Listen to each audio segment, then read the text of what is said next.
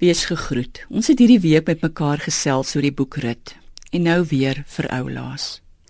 Van lank terug tot nou luister mense graag na die storie van Rut. Dit voer hulle mee oor en oor luister ons na die bekende storie van die Rut wat oënskynlik van niemand se land kom en op pad is nêrens toe nie. En hoe haar verhaal omdraai en sy deur al die slaggate deur tot op 'n goeie plek land. Hoekom luister mense so graag na hierdie verhaal? Want ons het behoefte aan die dinge wat uiteindelik na Rut se kant toe kom. Stabiliteit, sekuriteit, 'n toekoms, geregtigheid en natuurlik romanse. Al hierdie dinge is in Rut se verhaal teenwoordig en al hierdie dinge is basiese dinge waarna ons almal smag. Miskien het u al hierdie dinge en is u nog nie gelukkig nie.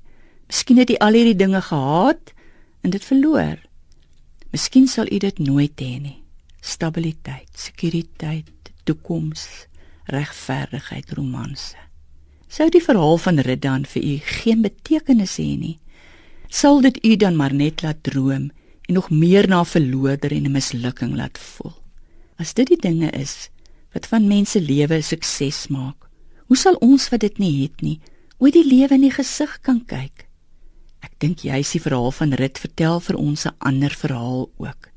En dit is dat ons te midde van die geweldige onvolmaaktheid van die lewe gelukkig kan wees. Ek stop nou die dag by 'n petrolstasie langs die hoofweg. Ek stop baie daar en ek en die werkers ken mekaar al. Ek het my kerkklere aan. En toe ek ry, roep een van die skoonmaakvroue agter my aan: "Dominee, bid tog vir my. Ek moet nog baie toilette vandag skoonmaak." Ek vertel dit nie om vir u te sê dat daar altyd iemand is met wie dit slegter gaan as met jou nie. Ek vertel dit omdat elkeen van ons se lewens sy eie uitdagings het. Daar's nie 'n stereotipe van hoe jy moet wees om gelukkig te kan wees nie. Soos Rut se lewe.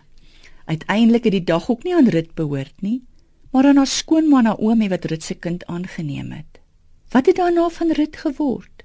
Was haar doel nou uitgedien nou het sy 'n kind gehad het?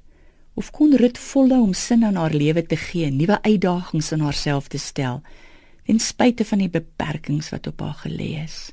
Ten spyte van die bitterheid van haar skoonma, waarmee sy aanvanklik moes saamneem, ten spyte van ten spyte van Mag dit ten spyte van slaggate, teenstand, gebrek aan geleenthede, gebrek aan respek, ten spyte van ten spyte van 'n gelukkige lewe hê, omdat hy waardig is in God se oë. Kom ons bid saam, Here. Ons lewe in onvolmaakte tye.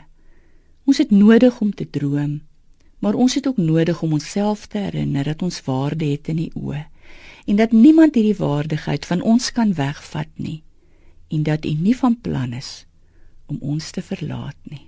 Amen.